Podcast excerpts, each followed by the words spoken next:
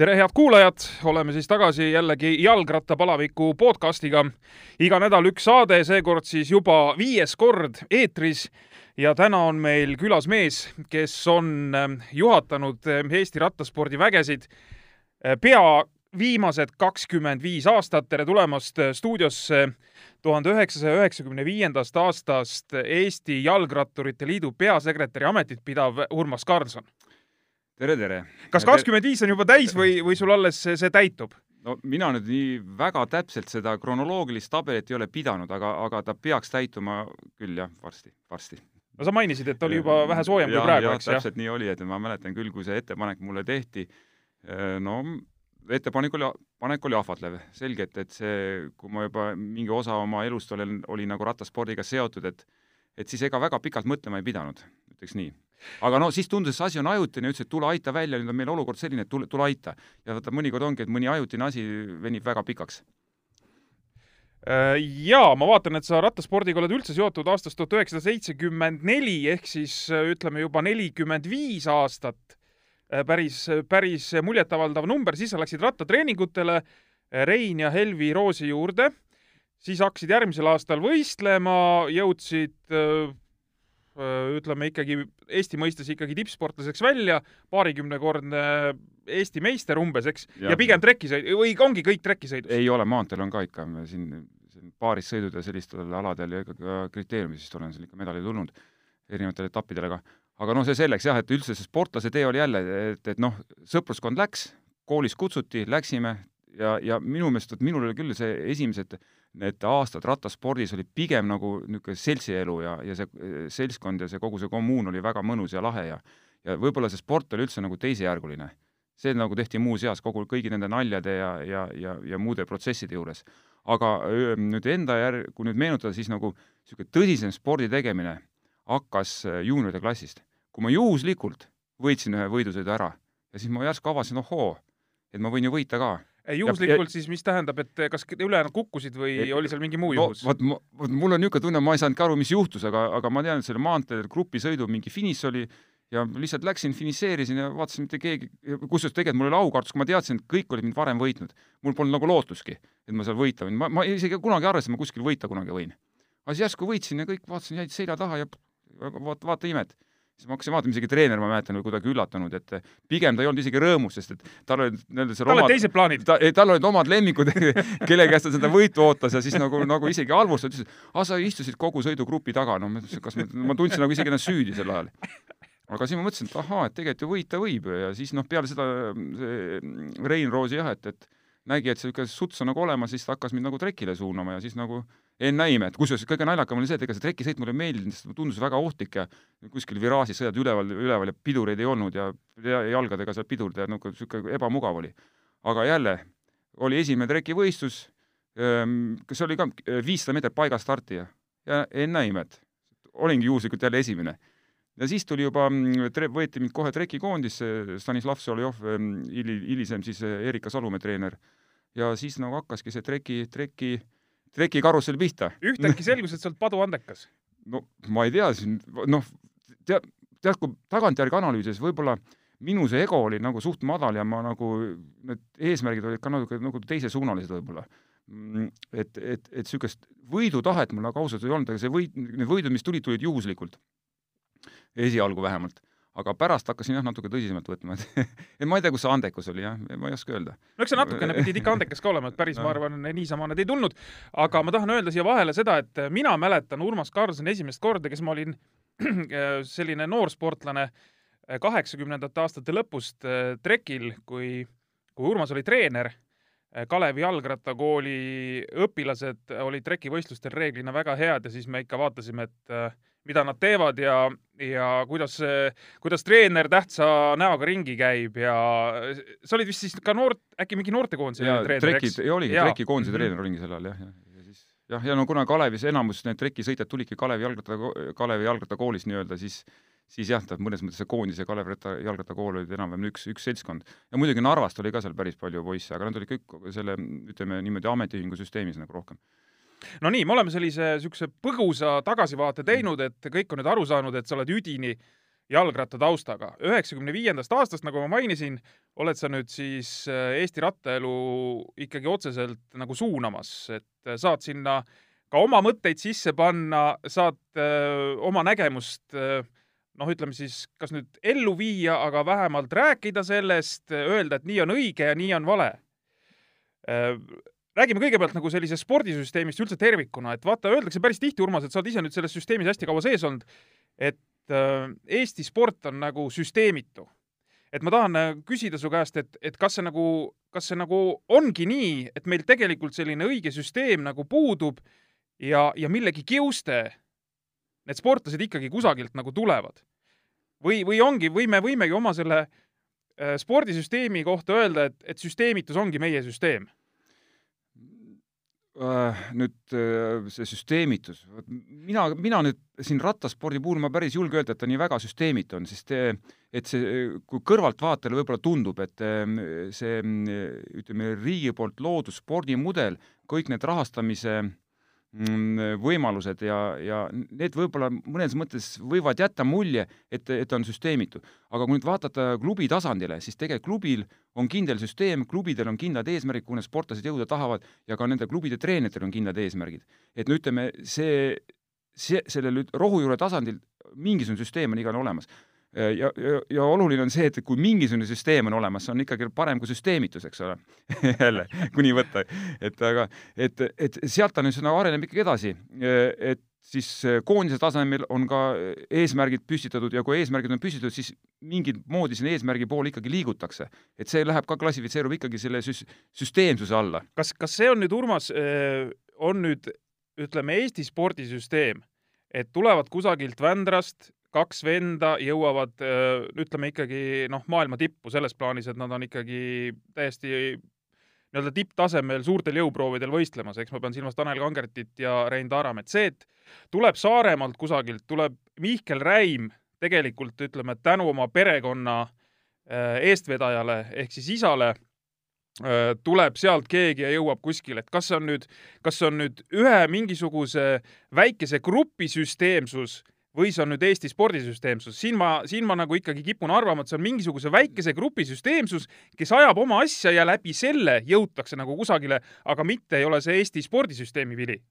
no äh, siinkohal ma olen isegi nõus et ta on kindlasti, see domineeriv on see väikese grupi süsteemsus ja väikses grupis on alati süsteemi lihtsam luua kui suures süsteemis, eks ole. ja nüüd see väikese grupi süsteemsus kajastub alaliidu tegevuses, alaliidul on, ala, igal erineval alaliidul on ka oma süsteem. ja nüüd, et siis võib ikkagi, et alaliidu tasandil on see süsteemsus igal olemas kas ta on rohkem või vähemal määral kõrvalvaatajale silmale märgata või mitte, see on omaette küsimus.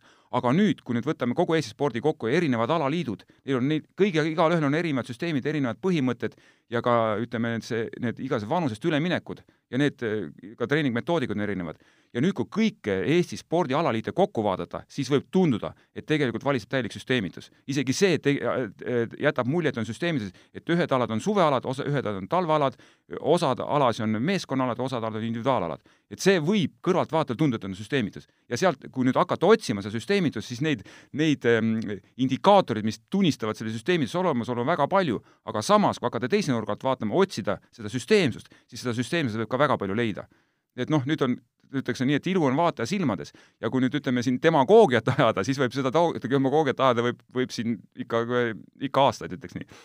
Äh, paljud alad kurdavad, et noori ei jätku, et äh, noh, olemegi väike rahvus mm., sündimus on nagu ta on, noori kasvab peale suhteliselt napilt ja siis tuleb veel see jalgpall ja, ja võtab ka mingis vanuses kõik ära, et kuidas jalgrattaspordis on? No see noorte probleem on küll tõsine probleem ja, ja noh, ta valusana tundub sellepärast, et paljude klubide rahastamine toimub nagu see pearaha põhimõttel, et kui sul on palju noori, sul on palju sportlasi seal, siis sa saad ka rohkem eh, kohaliku omavalitsuse toetust. ja, ja see tegelikult võimendab seda, seda selle hinnangu andmist noorte hulgal, sest kõik treenerid tahaksid, oleks rohkem, rohkem noori. ja see tekitab muidugi nendel treeneritel parajast stressi ja, ja noh, ega treenertöö on üldse päris stressirohke, et eh, seal ei ole küsimus mitte ainult eh, noh, seal vastutus on väga suur, vastutus laste eest, vastutus lastevanemate eest, see on tegelikult niikuinii stressirohke. aga seal, et, et no omaga ots otsaga kokku tulla, see, see on problemaatiline no see jalgrattatree- mm., kui sa sellest vastutusest praegu treeneri vastutusest rääkisid, siis jalgrattaspordis on see nagu eriti suur selles plaanis, et et kui ikkagi, ma ei tea, lapsed või noored, ütleme, viia kuskil maanteele treeningule, isegi noh, mis iganes, metsa vahel kuskil, et seal on, on veel noh, nii-öelda see mingi riski, X riskifaktor, mida näiteks saalis harjutades ei ole. E, no vaata, see, see tundub niimoodi, aga nüüd ratta puhul on see, et need ohud on, ei ole varjatud aga teiste alade puhul võivad need varjatud ohud olla ja, ja varjatud ohtu puhul on võib-olla see riskiaste veel kõrgem. ratta puhul on teada, et see oht on selline, see on tegelikult on algusest peale on kõigile teadvustatud, et nüüd liikluses need asjad, need asjad, et tegelikult see tähelepanu, eriti kui juba noorest peale hakkavad seal liikuma, neid ohte kogu aeg räägitakse, tegelikult treener räägib päevast päeva, siis nad tegelikult, nende tajud on päris head ja, ja nad kohanevad päris kiiresti. aga need, nad ei ole varjatud ohud, need on, kõik on selged, fikseeritud ohud, mis on ja, ja, ja nüüd hakata neid traumasid nagu vaatama, ega ei ole nüüd rattaspordis neid traumasid, ma küll sülitan praegu kolm korda üle õla, et neid õnneks ei ole nii väga palju. et, et on alasid, kus neid traumasid oluliselt eks, rohkem. eks kukkumisi ikka tuleb, aga, aga tõesti, ega, ega see jah, ei saa öelda, et oleks nüüd niimoodi, et kogu aeg on on käsi kipsis või, või, või ma ei tea, jalg puruks, et no, jah, eks et... juhtub, aga aga mõistuse piires. jah, kui me hakkame siin teisi, kas või siin võistkonnaalasid vaatama, kui palju neid jala väänamisi ja neid on niisuguseid sidemete purunemisi, neid on ka päris palju, et noh, et, et see nüüd asi nii hull ei ole. aga nüüd jah, ma just mõtlesin, et jäi, jäi niisugune lõpetamata üks sinu nii. mõte, et, et kuidas nüüd seal Vändras need kaks mägede meest tulid ja kuidas Saaremaal siis nüüd see, seal üks andekas rattur tuli. et seal minu meelest on põhiline see, et liidu koha pealt, et on vaja luua eeldused, et need, et need sportlased äh, lei-, saaksid, leiaksid omale väljundi. ja nüüd ütleme, klubi puhul on see, kui mingi sportlane on, tuleb, tekib sinna, ükskõik, seda ei saa öelda, et nüüd tingimata äh, keegi seab eesmärgiks, ma nüüd äh, hakkan kasvatama mägede on, see on, see on nagu juhus. tuleb sportlane treening, trenni mm, -hmm treener märkab, ahaa, temal on need, need eelised ja see on nüüd nagu juhuslikkuse moment. jaa, aga ja. teda tuleb seal lihtsalt hoida. teda tuleb hoida, vot täpselt tuleb hoida mm. -hmm. ja aga nüüd teda hoida, selleks peavad olema tingimused, peab olema, peab olema üles ehitatud ehm, see arengumudel no mida ma julgen tunnistada, et rattaliidu, rattaspordis on olemas. et kuhu, et kui ta on noorteklassis, mis ta siis saab, kuhu ta edasi pürgib juuniori klassi, et tal peab olema koondis, tal peab olema väljund rahvusvahelisele tasandile ja lõpuks tal peab olema ka väljund, mis see kõige tipp on, kui ta maailma tippu tahab jõuda, et, et mismoodi ta sinna tippu jõuab ja kas ta selle tipus oleku ajal ka on võimalik ennast ära majandama niimoodi inimlikult vot see, vot aga õnneks rattaspordis on see minu meelest olemas. kuule, see no-, see mudel, see spordimudel on üldse nagu huvitav asi, et äh, mõned rõhuvad sellele, et hästi vara on juba vaja hirmsat moodi piitsa anda. eks, eks spordialad on ka erinevad, eks, et äh, ma ei tea, iluvõimleja peabki olema juba viieteistkümnendal elu, viieteistkümnendaks eluaastaks eluvormis, et äh, oma tulemus ära teha, no näiteks, eks, või ujujad peavad hästi vara olema ja nii edasi. aga rattasport on selles mõttes vähe teine ala, ta on vastupidavusala, et seal tegelikult sa pead äh, kapatsiteeti nagu koguma, koguma, koguma ja siis mingil hetkel võiks see hakata nagu tulemust andma, aga, aga noh, näiteid on kõikidel aladel. osad treenerid ka tahavad hirmus vara juba, et tuleks tulemus, et, et siis võib-olla ongi seesama, et siis me saame natuke rohkem raha kusagilt ja nii edasi. et kas sa näed ka seda, et siin äh, Äh, siin äh, kuidagi nagu liialt võib-olla surutakse sellele, et pigem me siis väsitame need noored lihtsalt ära ja, ja nad lõpetavad, äh, ma ei tea, enne täiskasvanu ikka jõudmist spordi tegemise juba ära. No minu isiklik niisugune nägemus ja no minu isiklik taju, mismoodi need protsessid käivad, on natuke jah, on kindlalt kaldun sinna, sellele mm, seisukohale, et et see noorte mm, liigne tippspordiga seotud liigne stress võib olla väga suureks põhjuseks, et liiga varakult äh, lõpetatakse selle spordialaga tegelemise, tegelemise. no, no siin viimastel aastatel ongi väga palju nagu räägitud meie oma siin treenerite nõukogul ja ja ka siis treenerite vahel, ka isegi juhatuses, et noh, et, kuidas hoida seda pikaajalist tippsporti. et äh, tegelikult võimekus on ju sportlastel, no ma arvan, kuni isegi vaata ligi viiekümne aastani tegelikult täitsa maailma tasemel võistleb. ära nüüd enda järgi võta päris, et, et ütleme, ütleme kuni nelikümmend. no jah, nelikümmend, ma tean, et maailmameistriks medalil on tulnud ka neljakümne kuue aastaselt. aga need on ammused ajad. jaa, aga, aga ütleme nüüd maailmameister tuli alles, oli kolmkümmend seitse vist või kolmkümmend kaheksa, mis ta oli meil siin Valverde, eks näiteks. et, et see on võime, see võimekus on olemas, aga noh, küsimus on, kas jätk-, jätkub äh, sellist eesmärke nii pikalt seda sporti teha, et vaata, iga asjast saab ju ühel hetkel, iga asi ammendub ja ja kui need kogemused on saadud ja midagi uut enam ei ole, siis on nagu selline rutiin ja, ja see nagu ei, ei ei, ei, ei, ei tekita sellist tahet pingutada selle nimel, et no siis tekivad teised huvid ja, ja see on paratamatu. aga nüüd, kui on täiskond inimene, kes isiksus on välja kujunenud, et see loomulikult, temal on nagu lihtsam ennast motiveerida.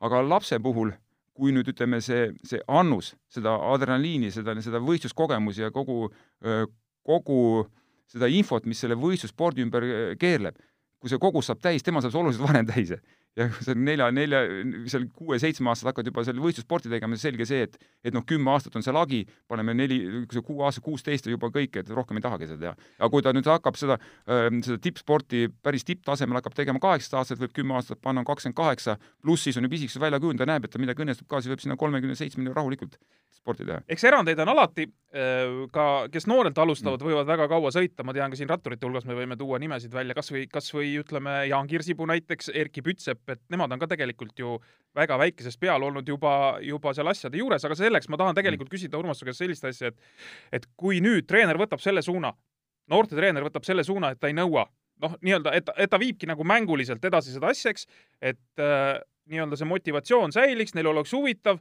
see, et nad hakkavad tõsiselt sporti võtma, see tuleb hiljem. nii, aga see tähendab osade silmis, et on ebaõnnestuja.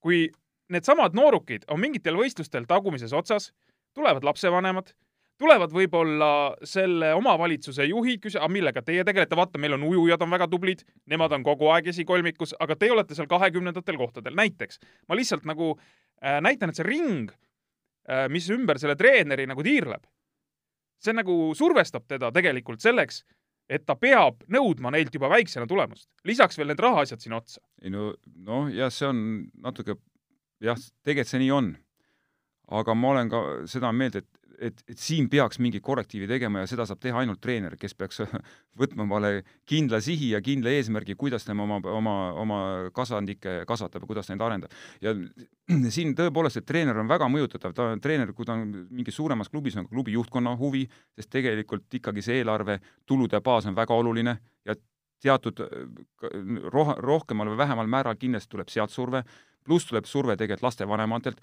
mis on viimasel ajal väga aktuaalseks muutunud. ja, ja kui nüüd treeneri isiksus ühesõnaga murdub nende kõrvalt tulevate survete all, siis tegelikult võidakse minna väga valele teele.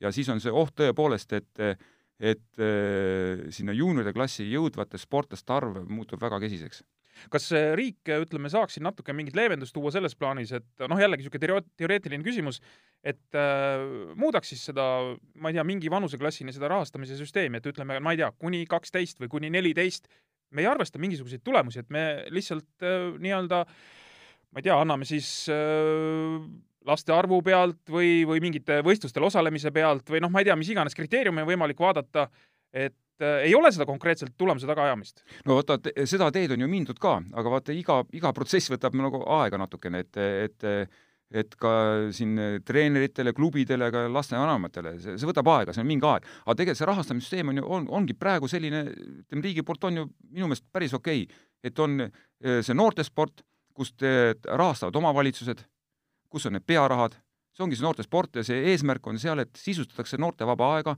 et nad õpiksid sporti armastama. See ongi, ütleme seal kuni siis kuueteistaastane isegi.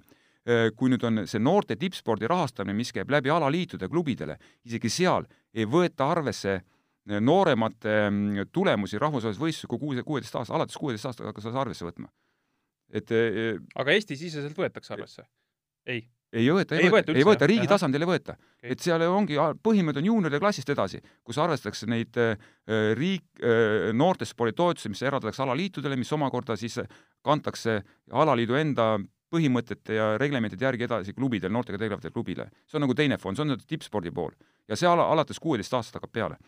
Mm, ja mis on alla kuueteist, see on puhtalt omavalitsus, see on puhtalt klubi rida, klubi toetajad ja muud sellised asjad. ja vot nüüd, nüüd ongi need, need, need, need asjad on nagu, nagu paigas, aga samas mingisugune surve kuskilt veel tuleb ikkagi, et me peame olema seal noorteklassis kõige teisest paremad, ikkagi tuleb. aga muidugi see on see edetabelid, noh, see on oma, kohalikud omavalitsused võivad küsida edetabeleid küll, ähm, noorte spordi edetabeleid, et, et anda äh, Ehm, kui palju mingi ala saab? jah, ja kui palju mingi ala saab, et seal mingid koefitsiendid veel, et mm -hmm. ikkagi see surve tippspordile on, on tegelikult olemas. Lisaks pearahale veel antakse mingid koefitsiendid ka veel aasta, aasta lõikes, et, et küsitakse erinevat, no need ei ole palju küll, aga ikkagi mingi kolmest, kolmest-neljast äh, maakonnas küsitakse ka neid edetabeleid, et kus, kus see klubi tegelikult base-, äh, platseerub, noorteklubi, noortearvestus platseerub. et seal on see surve küll, aga iseenesest on nagu okei okay., nagu on okei okay enam-vähem, aga, aga ikkagi need kõrvalt tulevad mõjurid on päris palju. kui palju sa näed, et need omavalitsused, ütleme siis riik, noh, läbi omavalitsuste, mis iganes, Äh, toetab äh, klubisid, on see piisav või, või see rahastus on nagu, nagu ta ikkagi on, et et enamus käib ikkagi lapsevanema rahakoti peal, me, vaata, me nagu ühest küljest võitleme sellega, et tahame hirmsat moodi kõiki liikuma saada. ma mõtlen kõiki noori, eks, mhm. et see ülekaal ja kõik see värgid, eks, ja, ja siis teisest küljest nagu lükkame kõik nagu lapsevanema peale, et äh, aga vii siis oma võsuke sinna trenni või, või teisi huviringi või ükskõik kuhu, eks aga, aga reaalselt see maksab? No reaalselt ta maksab ja, ja, ja no ma praegu statistiliselt ei oska öelda, et kui palju võib olla noori lapsi, kes jäävad ähm, äh, selle rahalise võimekuse tõttu treeningutest kõrvale, ma ausalt ma ei oska, aga kindlasti see hulk on päris suur. võib-olla noh, isegi suurlinnades võib see asi olla, et lihtsalt ei tulda ots otsaga kokku. et võib-olla me oleme ka harjunud arvama, et, et, et kõigile läheb väga hästi, aga, aga ei pruugi, pruugi nii olla. et igasuguseid ettenägematuid asju võib isegi pereelus tulla, mis tegelikult äh, loovad piirid äh, lapse võimalikkusele kuskil treeninggruppides käia. aga no kindlasti need olemas jah, jah et ja, aga, aga sellest rahastamise poolt loomulikult, mhm. et ega, ega see ei ole, ei ole piisav sellest, see on selge. aga muidugi sport on ikka selline, et, et alati siin, sport on selles mõttes, et seal on alati raha vähe ei muidugi alati tahaks juurde, ei selge see, ega see on mitte ainult spordis, tegelikult see on noh, päris paljudes eluvaldkondades, aga aga äh, noh, jäävad need nii-öelda noorukid äh, kõrvale, ütleme, et nad ei, ei saa nagu teha, et aga mis võimalused on, ma ei tea, on meil klubidel võimekus, et nad noh, ei ole maksta, aga nad maksavad ise tema eest või ei nõua siis seda tasu või, või seda võimekust, ütleme, klubidel põhimõtteliselt ikkagi ei ole? ei no ma tean, et klubid on teinud omale, on mööndusi küll teinud, et klubi, klubi juhatused, et, et kui on tõesti näha, et see, et noorele sportlasele ei ole võimekust seda maksta, siis tegelikult on nad on küll andnud võimaluse, et ta saab ilma klubimaksudel seal osaleda tegelikult et noh, see sõltub klubist, eks ole, kui on suurem klubi, suurlinnades on need võimalused suuremad, kui on väiksemates kohtades või maarajoonides, siis on, siis tegelikult need võimalused ei ole väiksemad, et et ikkagi mingid piirid seal tulevad. suurlinnades on jälle ikkagi eelis, et jah, see regiooniti on see erinev. Äh, rattasport äh, on, on kallis ala või, või on täitsa okei okay.? ta on niisugune keskmine ala, et ega kui me hakkame noh, noh, võib-olla jah, see ujumine, kas nüüd on siis nagu võib-olla natuke odavam või mitte. no ujumises on lihtsalt see, et ütleme, seal on see kui nüüd hakata seda baasimaksumust nagu sisse mm. arvestama, on ju, et see kindlasti selle baasi nii-öelda selle ujumise aja saamine on üsna, üsna ütleme siis kallis.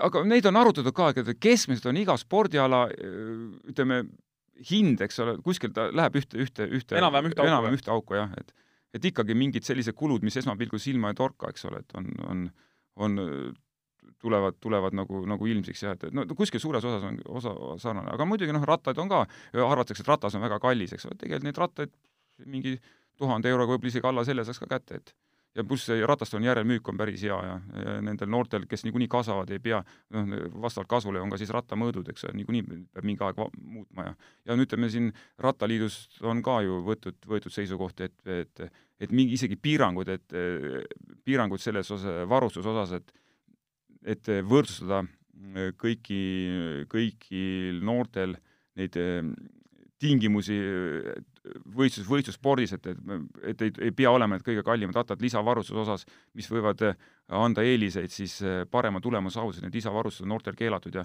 no põhiline ongi, et seda ühtlustada, et ei tekiks võib-olla mõnel andekal sportlasel tunnet, et ta on kuidagi, kuidagi nõrgem või, või et ta ei ole, tema, et ta ei ole sel tasemel nagu teised või et seda, seda pidurdada, aga muide noh, nii palju, nii, see on ka selge, ammu teada, et kui, kui inimesel on mingisugune niisugune arvamuse või niisugune alaväärtus, alaväärtus, väärtustunne, et ta ei ole teistega võimeline koos võistlema, siis tegelikult tema sooritusvõime on ka kohe langenud.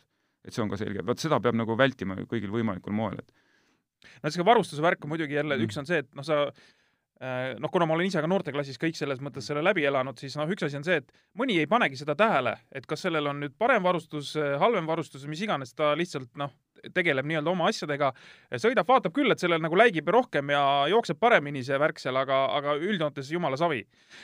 mõni on selline, kes nüüd see on ka eelkõige nagu vanemate survel, et kui tal nüüd seda viimast mingit varianti istumise all ei ole, siis ta hakkab kohe jonnima et ta, ta tahab saada seda kõige paremat, et sellel poisil, näed, seal on see, ma tahan ka seda endale saada. aga nendega on muidugi hull lugu see, et lõpuks, kui nad kasvavad, noh, ma ei tea, äh, juunioride klassist äh, on ka juba nagu mingi tase olemas, sõidumehed peavad minema, lähevad või lähevad kuskile välisklubisse, amatöörklubisse, näiteks Prantsusmaale, siis seal antakse mingisugune pill neile istumise alla, mis ta ütleb, et noh, sellega ei olegi võimalik sõita. et, et ei saagi nagu liiga vara liiga heade asjadega ära harjuda, et see tegelikult noh, ma arvan, et suures, suurel määral teeb lõppkokkuvõttes karuteene jah, ma vaatan, Ivar, sa oled asjadega väga kursis, tegelikult niisuguseid pretsedente on olnud küll, et kodus sõidetakse oma isikliku rattase on kümme korda parem kui isegi võib-olla mõne profitiimi rattal, eks, ratas, eks ole, et selliseid olukordi on küll. ja kui sa lähed tõesti kuskile välisklubisse, oled, satud nagu valituks, et sind võetakse sinna ja seal järsku sa tõesti natuke madalama tasemega rattas ja nagu jah, natuke murettekitav küll ja võib pärssida tegelikult see hiljem seda sooritusvõimet, sest see, see eneseusk on nagu natukene, natukene kaduma hakanud, et kui arvatakse, et see varustus on see põhiline, põhiline näitaja, et nüüd seda head tulemust näidata, et et see probleem on küll olemas, jah, see on olemas. aga nüüd, et seda, seda vältida, et noh, ma ise ka arvan, et treener ei suuda, no vot see treeneri töö on jälle õudselt oluline selle koha pealt, et et kuidas ta nüüd suudab seda mõjutada ja kuidas ta suudab seda sportlase, noore sportlase arusaama, saamu nagu õiges suunas suunata.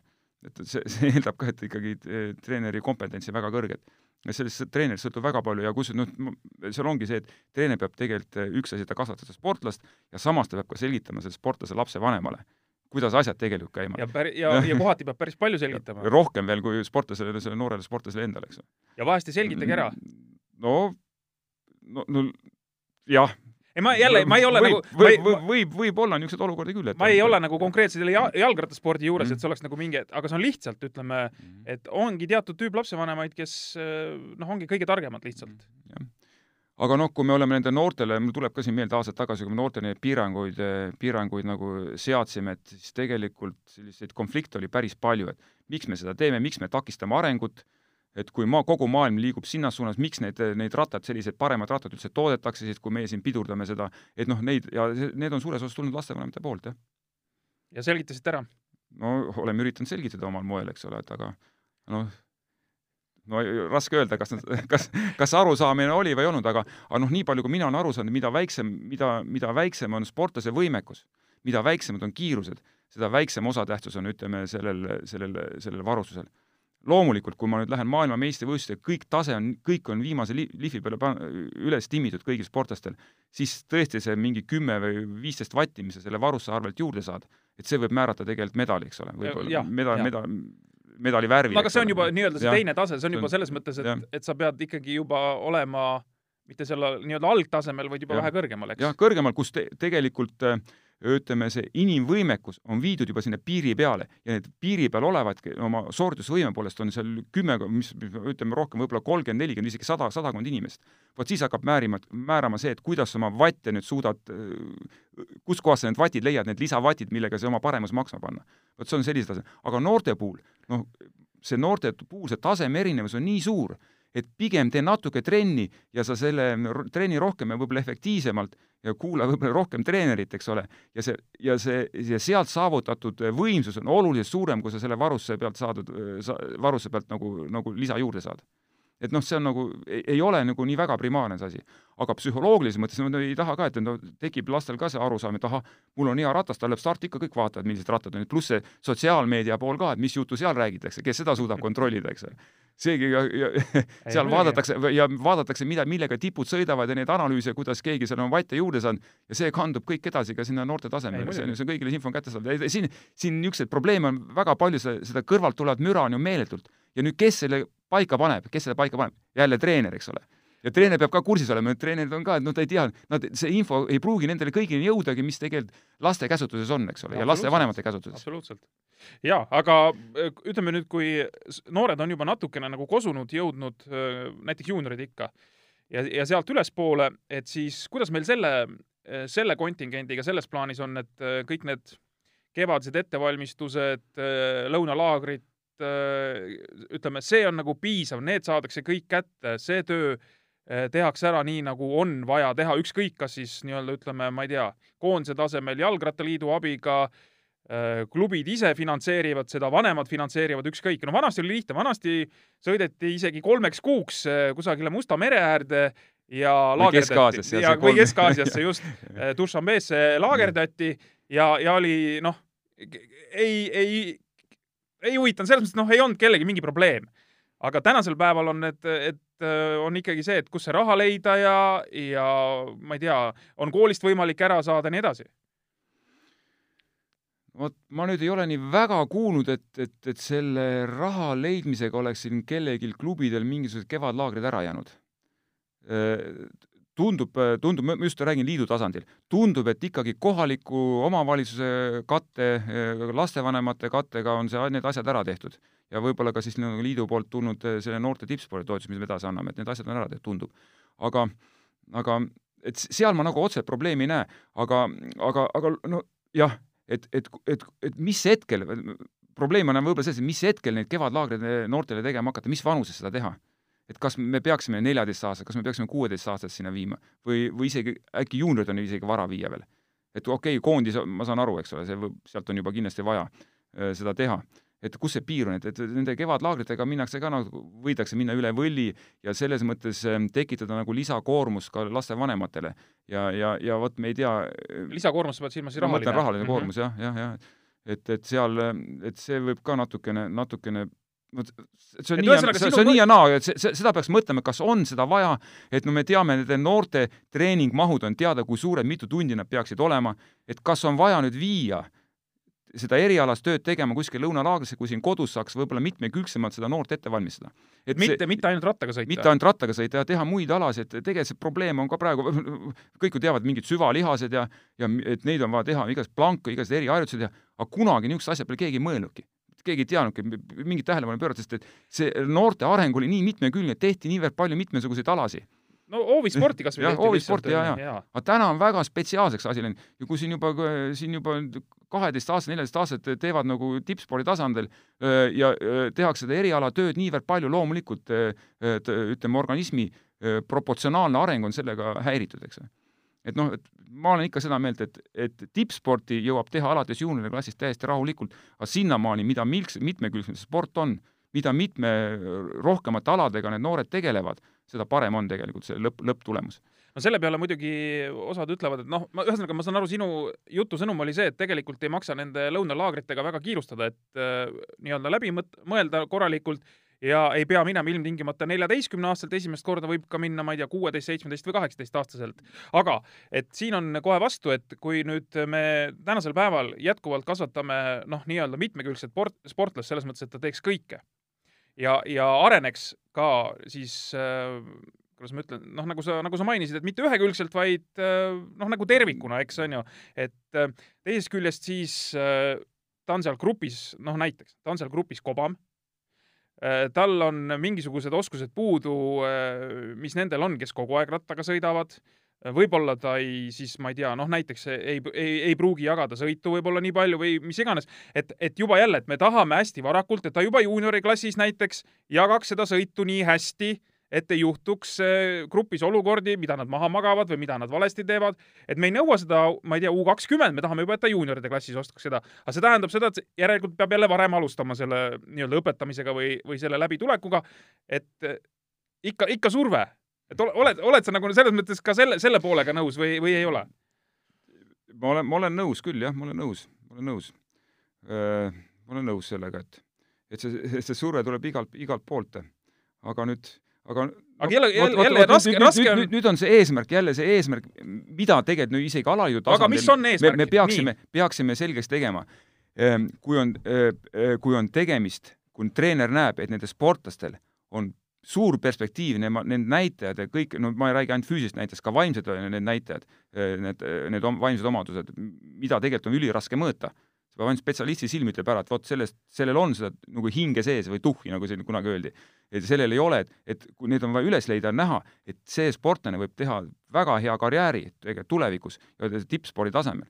vot siis, vot siis on vaja nagu, nagu, nagu, nagu panna see kogu see rõhk just sellele järgnevale perioodile, mitte selle noorspordi no,, noorspordi, siis peab muidugi, no temal peab nagu teistmoodi suhtuma. aga ikkagi sellegipoolest ei, ei tohiks nagu väga väga erialaliseks äh, liiga vara minna, sest ega noh, keegi ei ütle, et, et nüüd see oskused, koordinatsioon, koordinatsiooni saab harjutada ka teiste harjutustega ja kui see koordinatsiooni välja arvutad, ongi vaja teha mitmekesiseid harjutusi, mitte nii, et sa kogu aeg ainult rattaga sõidad. mida mitmekesisem, seda rohkem see aju, aju areneb, eks ole, seda, seda laiemaks tekib, ütleme, see nii-öelda silmavaade, mitte sa nagu vaata, vaata otse ühte punkti, vaid sa vaatad laialt seda kogu protsessi. aga seda on vaja arendada ja seda saab ainult mitmekülgsusega teha. ja, ja, ja teine asi, kui ma nüüd erialatööd teen hästi palju ega see ei tähenda, et mul seda koordinatsioon paremaks läheb, ta ei lähe, ta, ta, ma kohanen nii täpselt selle mingi kindla asjaga ja siis, kui mingi ettenägematu olukord tuleb, siis ma ei oska midagi teha. väga, väga, väga kitsas spetsialiseerimine. jaa, aga Urmas, vaata, temale tuleb see ettenägematu olukord näiteks kuueteistkümneaastaselt esimest korda, siis seitsmeteistkümneselt ta oskab juba käituda selles olukorras. aga sellele nii-öelda, kellel on parem koordinatsioon, tuleb see esimest korda kaheksateistkümneaastaselt näiteks aga, aga ma mõtlen, kui nüüd see noor, ta teeb ju, ta mingit rattasõite, ta sõidab ju ta ei pea tegema seda sada rattavõistlust ei pea tegema, tal piisab võib-olla kümnest rattavõistlusest, et ta selle, selle kogemuse Omandab. kätte saab ja et, et, et ta selle koordinatsiooniks vajalikud äh, kogemused saab ja et, et ta sellega kohaneb. sa ei pea tegema sada sellist võistlust, sa võid ju vähem teha. ja samal ajal teed ka muid asju, noh, kas või sama akrobaatika, minu meelest oma, omal ajal väga hea oli akrobaatika, igasugused lendtirerid ja üle kitsehüpped no, no mida, ma, ma nüüd ei tea, kui palju seda tehakse, et kuidas sa suudad oma keha koordineerida, kui sa oled õhus, kui sa ei ole kahe jalaga maa peal kui sul ei ole tugipunkti, kuidas sa koordineerid ennast? mis... kus, mismoodi seda harjutad? ratta seljas seda harjutada, aga ometi on igasugused kukkumised, kas sa paned omal käed ette või ei pane ette? kus sa seda harjutad, sa saad ainult eriharjutustega teha. see akrobaatika on minu arust väga ideaalne koht, üle kitse hüppad, üle hobuse hüppad, pikk hüpe, minu meelest see oli super hea, eks ole. ja tee, ma, muide, muide, pane sa praegu kedagi hüppama, ma ei tea, kas sa hüppad. tee noortele selgeks, Urmas, tee noortele, see, see kõik jutt, mina olen sinuga jumala päri et äh, tegelikult tulekski mingi vanuseni teha mitmekülgselt, äh, loomulikult noh, see erialane töö peab olema nii-öelda kõige suurem proportsionaalselt selles äh, pundis seal, eks, et aga kõike tuleb muud juurde ka teha, olen jumala päri sinuga. aga mine tee sellele noorukile selgeks, et kuule, meil on vaja teha akrobaatikat, meil on vaja teha üle kitsehüppeid, et sul koordinatsioon paraneks, et sa oskaksid teatud olukordades käituda.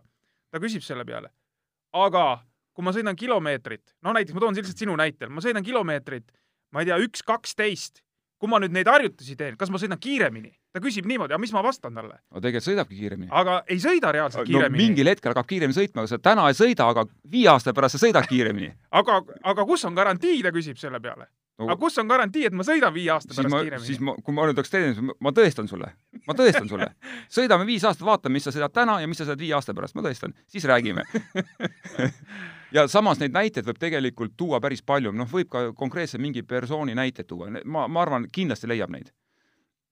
Kindlasti leiab neid ka, kes on eluaeg ainult rattas sõitnud ja, ja, ja. sõidavad kogu aeg aga, järjest kiiremini. aga, aga, aga milles on tegelikult probleem, on see, et kui keegi on, vaata noorteklassis on seda erialatööd väga palju teinud, loomulikult ta teatud vanuses, seal neliteist, kuusteist, selles vahemikus on teisest parem nüüd ta, ta, ta on rattasõidus teistest parem, aga pane see nüüd, nüüd võtad selle grupi kokku, et nüüd teeme selle üle, üle hobushüppe, ta pole elu sees seda hüpanud ja seal ta ei ole parem. ja mis mi,, mida ta, mida ta, ta, kuidas ta seda tunnetab, ta ei taha ju kaotaja olla.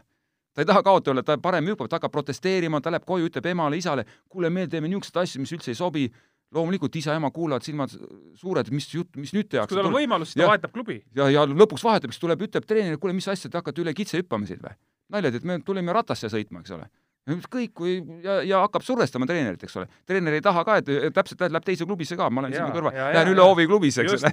sa pead siis silmas CFC spordiklubi ja Kalevi jalgrattakooli. no, no näiteks, näiteks jah, heas mõttes, et ega see, see, ega see. sa oled päris hästi kursis, et äh, aga nii ongi, see, see võibki olla reaalsus no,. see võibki olla reaalsus. ja, ja mis siis treener teeb? Loomulikult, et no grupid on olemas. Ja kusjuures muide huvitav on see, et ähm, see natuke hüppan kõrvale, et nende gruppide ja see väike sotsiaalne ühiskond, mis seal äh, spordikoolis tekib, see on, see on tegelikult, äh, ta on väga tugev, aga samas on ka väga habras ja, ja seal alati tekivad, nagu ühiskonnas ikka, tekivad mingid omad liidrid. ja see liider, võib-olla ta ei pruugigi olla, ütleme, füüsiliste eelduste kohal kõige parem, ta on aktiivne, ta on mingi sisemine, seal mingi X-faktor on seal, mis tegelikult kõik, kuidas see grupp koos on, see grupp koos, kõik vaatavad ja kõik on nagu üks ühine tervik ja kõik toimib väga hästi. ja kui see nüüd ühel hetkel, seal üks või kaks inimest, kes on seal nagu määravad, tegelikult igalühel on oma koht tegelikult ühiskonnas tekib.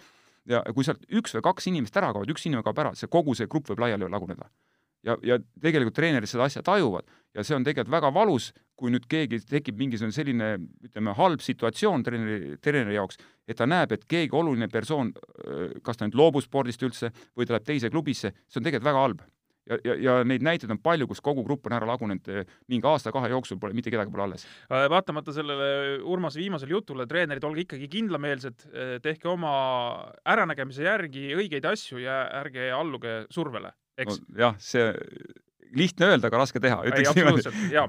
Äh, Urmas, Eesti rattaspordil on, on tegelikult ju väga uhke minevik, et Eesti, Eesti kontekstis võib kahtlemata öelda, et suurte traditsioonidega ala, et ma ei tea, kui kaugele me võime minna, et alati on leidunud neid tippe, kes on, kes on säranud. Ma pean just silmas nagu sporti, eks, et siin võime minna, ma ei tea, sõjajärgsete aastasse, aastate, aastatesse välja, et sealt juba hakati kohe olümpiamängudel käima, nii edasi, et meil on olemas olümpiavõitjad, meil on siin põlvkonnad, kes on liidukatel teinud megatulemusi pärast, kui taasiseseisvumine oli, oleme silma paistnud ja nii, ja nii edasi, et millest see tuleb?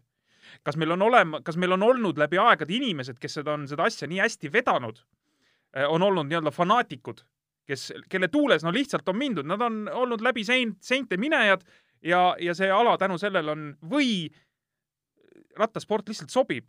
me, lihtsalt sobib eestlasele, et me, me oleme nagu me oleme siin ja, ja sellised noh, kuidas ma ütlen, töölisrahva alad, et eh, no see ei ole lihtne ala sa oled, ma arvan, sa oled nõus, et okei okay,, see võib-olla trekisõit äh, on, paistab lihtsam, kuigi ka seal on tegelikult äh, noh, suured koormused ja nii edasi, aga, aga ütleme, see maanteesõit, eriti veel seal kuskil äh, suurte tuuride peal, noh, tegelikult see, tegelikult see ei ole nagu väga inimlik. no ta ei ole inimlik, vaat jah, no, no sina, Ivar, sõitsid, kas sulle meeldis või ei meeldinud see? ei meeldis. meeldis, aga seal ongi mingisugune jälle selline X-faktor, X-faktor, mis tegelikult äh, kuidagi, kuidagi, kuidagi, kuidagi sobib meile, eks ole. ja no ma arvan, et seal on pigem see füüsiline, füüsiline koormus ja raskus, mis on, see võib-olla jääb ikkagi tahaplaanile selle, selle positiivse emotsioon, emotsionaalse ütleme, fooni kõrval.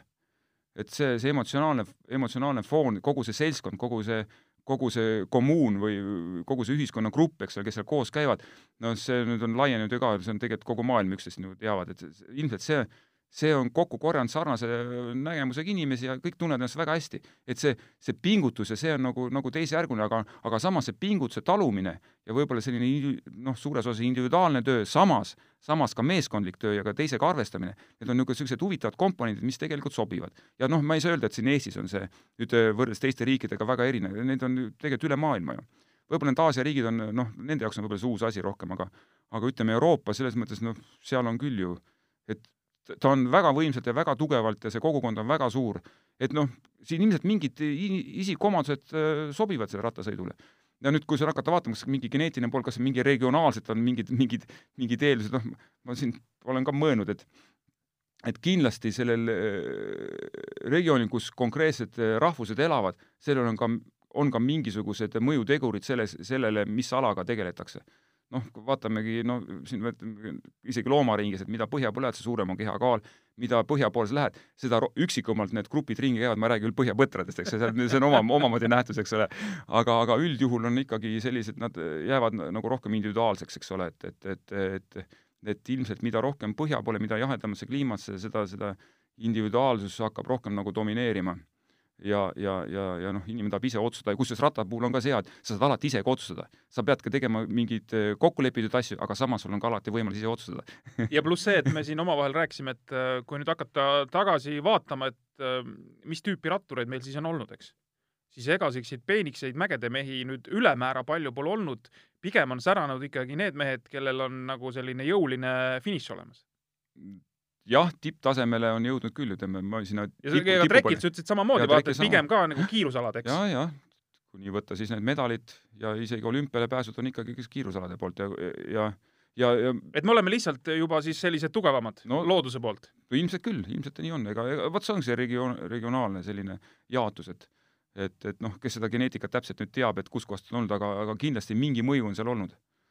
on sellel, sellel kindlasti, ma arvan no ma ei tea, mis nüüd praegu selle kliima, kliimamuutustega siin, siin juhtub, eks ole, et et sellega, see võib natuke teistmoodi luua, aga, aga ikkagi mingid traditsioonidel ja seal on ka väga suur tähtsus ja nendel arusaamadel ja et noh, neid mõjutegureid on ka päris palju ja, ja, ja tundub, et ega siin nagu suurt muutust ei tule. et mu, kui siin nüüd, ma ei tea, siin mingit perspektiivi nüüd panna, et millise spordialaga Eestis tasub tegeleda või millisega mitte, noh, ma nüüd ei, ma seda nüüd väga ei propageeri.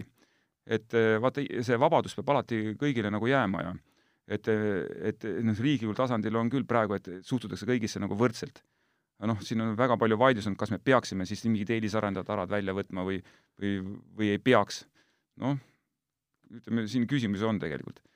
et no,, et seda, seda, mina, seda mina... vabadust midagi valida, no nagu ka ei tohiks ära võtta, aga ei, vabadus võiks ja. olla, aga, aga mina, kui me nüüd räägime tippspordist, et äh, siis mina leian küll, et, et kindlasti peaks olema mingisugune valik alasid, kuhu panustatakse nagu rohkem ja, ja ega see on, võta see, see on paberil ikkagi mustvalgelt väga selgelt näha, mis aladel me tulemusi oleme teinud ja mis aladel me tulemusi teeme.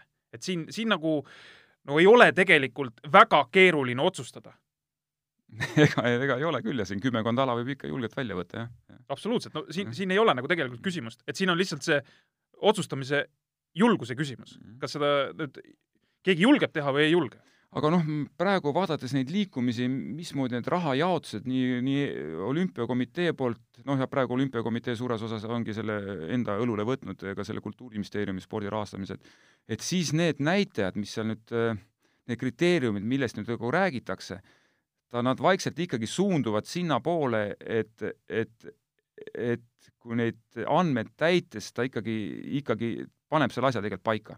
ja kui hakata vaatama, siis noh, kümme kümme enam rahastatud spordiala, noh, need, need tegelikult ongi nad era-, eraldunud, et, et noh, kas sellest nii väga paljult vaja rääkida ongi, et nad tegelikult niikuinii eralduvad aja jooksul.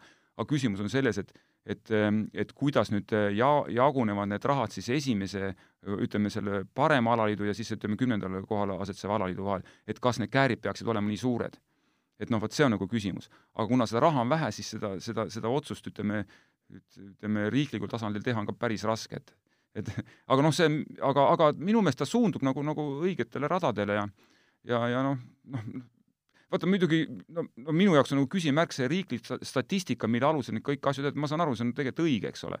et noh, see mingisugune ametlik asi peaks olema, mille järgi orienteeruda, aga aga see riiklik statistika, ta mulle tundub ikkagi ei ole päris õige. no ütleme, statistika järgi need rattureid näiteks on mingi kaks tuhat vist, natuke üle kahe tuhande, eks ole mis on ka nüüd alus, ütleme, selle noortespordi raha jagamisel ja nii edasi, noh, noh, siin on alasid, kus on üle, üle, üle viieteist tuhande, eks ole. kaks tuhat, viis tuhat ja kui seal mingisugused kümned, kümned tuhanded liiguvad sellest, sellest ühele või teisele alaliidule rohkem, eks ole, on see mingi eelis. Noh, ma ei tea, ei oska öelda, aga samas, samas ratas on ju selline väga individuaalne ala ka, et noh, paljud, paljud sõidavad üldse niisama, lihtsalt käivad niisama sõitmas, eks? no praegu ma no,, siin talvel ma olen ise nagu sörkimas käinud A5-eks ja niimoodi, et et, et mõtiskleda maailma protsesside üle. et siis neid, ma ütleksin, rattureid siin liigub ringi metsaradadel, vaata et sama palju kui jooksjadki praegu. ja, ja ei selles mõttes ma olen sinuga täitsa päri, et äh, tegelikult äh, see kogub aina populaarsust ja tulevik vist on üldse, on elektrijalgratas ja, ja me ei hakkagi, ma ei tea, paarikümne aasta pärast äh, jälgima telerist võistlusi tavaratastel, vaid vaatame, kuidas maailma kõige kõvem profid sõidavad elektrijalgratastel mägedest üle.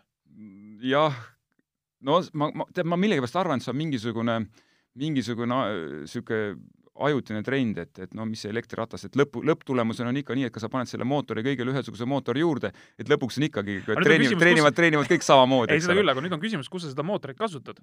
no jaa, aga no ega seal tulevad ka omad metoodikad, no praegu kui siin pannakse see mingi kvantarvuti tööle siin, Google või kes siin tegi, eks ole, siis on täpselt teada, kui arvutatakse välja, mis, mis, kus sa selle mootori pead sisse lülitama, et sportlasel pole nagu midagi mõtelda enam aga, aga, aga nüüd eh, selle eh, spordi puhul veel, et vot alati selle spordi puhul, ka klubispordi puhul on nii, et üks on see, on need, need, see inimgrupp, kes tahavad võistelda, kes tahavad olla teistest paremad, kes treenivad selleks, et olla tugevamad. Ja ma nüüd olen, ma, kellel, kellel on see, ütleme, tunnustuse vajadus suurem ja selle kaudu nagu saavad selle täidetud, selle vaakumi, selle tunnustusvajadust äh, ei ole veel siiamaani täitnud, eks ole. aga siis on ka väga suur grupp, on neid inimesi, kellel, kellel see puudub, kes lihtsalt tahavad liikuda, kes lihtsalt tahavad olla head seltskonnas, kes lihtsalt tahavad trenni teha, tahavad suhelda. et, et see grupp on ka ja, ja kusjuures äh, ja see on väga oluline grupp. ja see on väga oluline grupp, väga oluline grupp ja see ongi see, kelle taustal võivad välja kasvada väga Just. maailma, maailma tipud. ja, ja, ja lisaks, kui nad saavad nii-öelda hea kogemuse, nad tulevad lõpuks ringiga tagasi, tulevad seda ala toetama ja, ja toovad ka oma võsukesed ka sinna trenni näiteks. no täpselt, täpselt nii on, et, et, et nüüd, nüüd siin klubide treenerite puhul, et seda survet, nüüd seda tipptulemust tingimata saavutada või, või mingis edetabelis eespool olla, et see, see ei ole noh, ütleme kogu spektrit vaadates just kõige õigem tee. et eh, rohkem tähelepanu, võib-olla isegi noorteklassis enam tähelepanu on vaja pöörata nendele, kes lihtsalt tulevad selle liikumisharrastuse pärast sinna ja nad tahavad liikuda, nad ei tahagi võistelda, nad tahavad liikuda ja see surve võistlemiseks võiks olla natukene väiksem. ja kes tahab, okei okay,, siis lähme käime nendega võistleme. tahab aastas ühe võistluse, tahab kaks võistlust ja, ja ma arvan, et seal, kui ta juuniori klassi jõuab ja, ja öö, ta näeb, et ta võiks ka maailma tipusse, tuleb tõesti see hasart, ta tahab seda hinges teha, siis ma arvan, et on aega küll, et ta sinna maailma tippu jõuaks. muide, ega, ega siis neid, neid rattureid, kes on tulnud seal kuueteist või kaheksateist aastat rattas sõitma ja maailma ette, sinna väga heale tasemele on ka päris palju. On ikka jah, eks, eks noh, tore on muidugi, kui seal on mingi sporditaust, et siis on see tõenäosus suurem, eks, et sa ei no fakt on see, et sporditaust peab olema, see on fakt, et ja, aga no üldiselt ei ole vist niimoodi, et kes on tulnud seal, seal peale seitseteist, kaheksateist aastat ratta juurde, et neil sporditausta ei ole. No tõenäoliselt ikkagi on, jah. jaa, tõenäoliselt on, et no vaata, see ongi see, see oskus sporti nagu armastada ja seda, seda tunnetada, seda hingeelu. no meil see, on ju endal hea näide praegu Jaanika Lõiv, eks? jah, Jaanika Lõiv. oli jooksja ja, ja vigastus ei saanud joosta, läks ratta peale üle ja täpselt, nüüd püüab olümpiapääset. jah, püüab ja no tõenäosus on, ma ütleksin, et ütleme kaheksakümmend protsenti. no see jah, ma, ma, ma, ma millegipärast tunnetan, et tegelikult selle olümpiakoha saab kätte. muidugi nüüd siin on vaja appi ka teisi tüdrukuid päris palju, et ja nad ongi abis, ma saan aru selles mõttes süsteem toimib päris hästi, et et siin siin tõesti võib tunnustust anda kogule sellele kogukonnale, kes selle maastikusõidu eest nagu on hea seisnud Äh, viimane teema, me oleme viiskümmend üks minutit, äh, Urmas, juba lobisenud, äh, viimane selline lai teema, et tundub, et rattaspordis on praegu päris head ajad. meil on maanteeprofe päris palju, meil tuli, tekkis nüüd see nii-öelda UCI UCI-s registreeritud profiklubi, noortetiim, mitte ainult eestlased, aga, aga eestlased lõviosa, eestlased veavad seda. meil noored käivad BMX-i tiitlivõistlustel, kõvasti Tartus Jaan Veeranna vedamisel ka seda asja nagu aetakse Äh, meil äh, maastikusõidust juba rääkisime, naised püüavad reaalselt äh, olümpiapääset, siis tsüklokrossi MM-il käidi praegu, ei õnnestunud küll nii-öelda tulemuste mõttes seal, aga me oleme seal olemas, osaleme ja ainus selline must lammas siis on meil trekisõit, jah, kuigi, kuigi nüüd trekisõidu meistrivõistlused pidamata ei jää, et meil omal siin nii-öelda trekk ei toimi, aga sel nädalavahetusel nüüd seisavad siis Panevežise sees äh,, täpsustagu, ma eksin, Eh, Balti meistrivõistlused ja selle seas siis ka Eesti meistrivõistlused. Balti ja siis ka nende Balti riikide meistrivõistlused. eraldi nagu. eraldi jah, et siis nagu nende, nende põhjal et, antakse ka medalid välja. et me, et meil tundub nagu rattaspordis tegelikult nagu selles mõttes päris hea seis, noh, välja arvatud siis nii-öelda trekisõit. ja, või, ja, ja võib-olla igale poole nagu ei jätkugi või? vaata, see trekisõit on, see on, see on ka selline huvitav asi jälle, et, et mis, mis mulle tegelikult rõõmu valmistab, on see, et mingisugune äh, know-how, mingisugune kompetents meie treenerid on ikkagi trek-, trekisöös säilinud. ja, ja, ja naljakas on see, et olgugi, et me pole siin Eesti meistrivõistlusi siin mõned aastad korraldanud, eks ole, selle treki amortiseerumise tõttu, aga meie, meie ratturid käivad ikkagi tiitlivõistlustel ja kusjuures nad on jõudnud täitsa arvestatavatele kohtadele. aga nad ei, nad käivad äh, Euroopa... mitte täiskasvanute klassis, eks, need on ja, noored. noored jah, jah, jah, jah. aga noh, see, et nad lähevad sinna, et nad äh, osalevad, jõuavad seal kaheteist hulka, minu meelest see on väga hea näitaja ja siin võib ainult tunnustust anda nendele treenerile, kes on ikkagi ähm, ilmselt oma treeningute käigus on sellest trekisõidust nii üht kui teist rääkinud ja, ja, ja, ja seda, suutnud seda huvi tegelikult säilitada, sest mina ise näen, et see trekisõit on üks ideaalsemaid, ideaalsemaid eriala äh, treeningute korraldamise, ütleme, võimalusi, kui treeninguaed, trekisõit. paigas stardid, kõik jõuharjutused, kiirendused, kõik saab teha ja kusjuures kõik on mõõdetav. sa võid mõõta ja sa, ja sportlane näeb kogu aeg oma aegade dünaamikat ja kui ta mingit harjutust on teinud, kas siis nädala pärast teeb selle harjutuse sooritused samal tasemel või ta on edasi arenenud, see on minu arust väga positiivne ja kusjuures ega treeneritel on see põnev ja sportlastel endal on ka põnev. Äh, ma olen sinuga jälle nõus, äh, Urmas, aga siis siit kohe lihtne küsimus, miks seda trekki meil ei ole siis? no vot, vaata, kui see oleks nüüd meie teha ja, ja rattaliidu juhatuse teema, siis see trekk oleks nagu olemas, aga, aga, aga fakt on see, et, et see nõuab väga palju, üks asi kooskõlastamine, see nõuab ka väga palju raha et noh, et, et kuidas neid, neid kokkuleppeid nüüd sõlmida, et seal, see on see põhiline takistus. aga, ja, ja nüüd, kui ütleme selgelt nii kohaliku omavalitsuse kui riigi rahastusel on seal kindlasti oma kindel koht, et ilma selleta nagu ei ole ka võimalik, sest ega noh, raske öelda, kas ta, kui mingi väga kasutootev tegevus, mida saad välja rentida, siis loomulikult oleks ka erasektorist tuleks sinna palju raha. aga kuna spordi puhul on ikkagi nii, et, et see kasumlikkus on niisugune natuke küsitav, eks ole, et ta võib ka olla, see kasumlikkus võib tulla, aga seda ei ole, on väga raske ette prognoosida. ja kuna meie ettevõtjad on kõik väga kogenud ja juba, et ahaa, et noh, kas, kas, kus, et ma arvan siin, et niisuguseid äh, väikseid möödalaskmisi on nende spordiraadidega siin Eestis olnud küll ja küll ja kõik seda, seda teavad tegelikult. Et, et, et siiski see, just ma ütlen, see omavalitsuse riigi toetus peab olema seal väga suur. Ja nüüd ongi suuta see, see lobi teha, et nüüd see trekk on see kõige olulisem et see jõuaks prioriteetidesse ette otsa, kus nüüd tõesti see rahastuse saaks, see on nagu kõige suurem probleem. aga no vaata, neid noh, neid spordi on ju päris palju, mida on alates viiekümne meetri ujulatest ja, ja erinevate spordialade muudest baasidest, no neid on väga palju tegelikult. ja kõik aga, on vaja, nüüd, nüüd, nüüd on see otsus, poliitiline otsus vaja teha ja seda poliitilist otsust teha, see on, see on, siin on, on keeruline, see ei ole lihtne. aga sinna suunda me liigume tegelikult äh,. kuna, kuna seda velotreki juttu on nii kaua aetud, äh, juba ma võiks öelda kümneid aastaid, siis tõenäoliselt teda ei tule ikkagi no praegu mina loodan küll, et see mingi kaks tuhat, kaks tuhat kakskümmend viis või kakskümmend kuus äkki, äkki saab juba esimese võistluse pidada, ma ise loodan. ah nii Lood, lausa? lausa nii, jah. et noh, et aga mille põhjal sa seda siis nagu julged öelda, et, et kas on siis mingisuguseid selgeid nihkeid? ma ütlen, et protsessid käivad ja, ja erinevaid kokkuleppeid on tegelikult sõlmitud. et ütleks nii selle kohta. okei okay ehk siis ja, ja need huvigrupid ka, ütleme, poliitilisel tasandil on oma, oma, oma aktsepti juba ka nagu andnud, et, et, et see, et asi, asi nagu liigub. no selge, seda on rõõmustav kuulda, et äh, äh Vaata, mul on eri, ei, mul on eriti hea meel Aado Heina pärast et Aado on seda oodanud, seda trekki põhimõtteliselt eluaeg, et lõpuks tuleks ja, ja vot kui Aado nüüd ära näeks ka selle treki valmimise ja et, saaks oma esimese treeningu oma Kalev Rattakoolise. tema saaks teha seal just oma esimese treeningu, vot, vot see oleks nagu kõige ägedam asi. no ma arvan, siis ikka Andres Leko tuleks välja, siis võtaks mingi oma, oma grupi omale sinna ja käiks.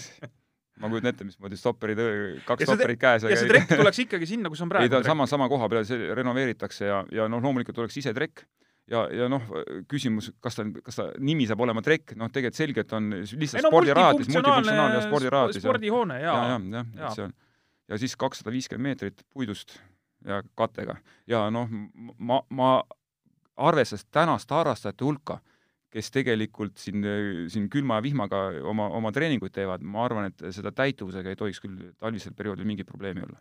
Äh, jälle, jälle olen sinuga nõus ja lisaks siis muud alad sinna juurde, kes toimetavad kas seal saali keskel või kusagil mujal ja, ja näiteks sama Panevežis mm..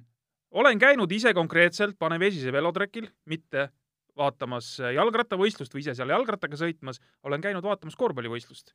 sinna tehakse korvpalliväljak, mis vastab kõikidele rahvusvahelistele nõuetele ja seal mängitakse väga kõrgel tasemel, see on siis äh, Paneveži Seljetkabelise meeskond oli ja minu meelest ma käisin vaatamas Eurokapi mängu, mis on siis Euroliiga ehk siis Euroopa, ütleme, kõige kõvem sari, selle nii-öelda tütarsari üks aste madalamale aga, aga väga-väga aktsepteeritud nii-öelda korvpallivõistlus ja, ja sa saad selle sinna treki keskele sellesama väljaku püsti panna. no täpselt nii on ja, ja see arhitektuuriliselt on, kõik on võimalik teostada suhteliselt lihtsate vahenditega ja need, ütleme, tribüünid saab paigutada sinna viraažidele, kõik spetsiaalsed äh, atribuutikad selleks on olemas, et noh, ei ole, ei oleks mingit küsi-, ei ole tegelikult mingit küsimust, et niimoodi sellist multifunktsionaalsust tipptasemel arendada ja seda ära kasutada.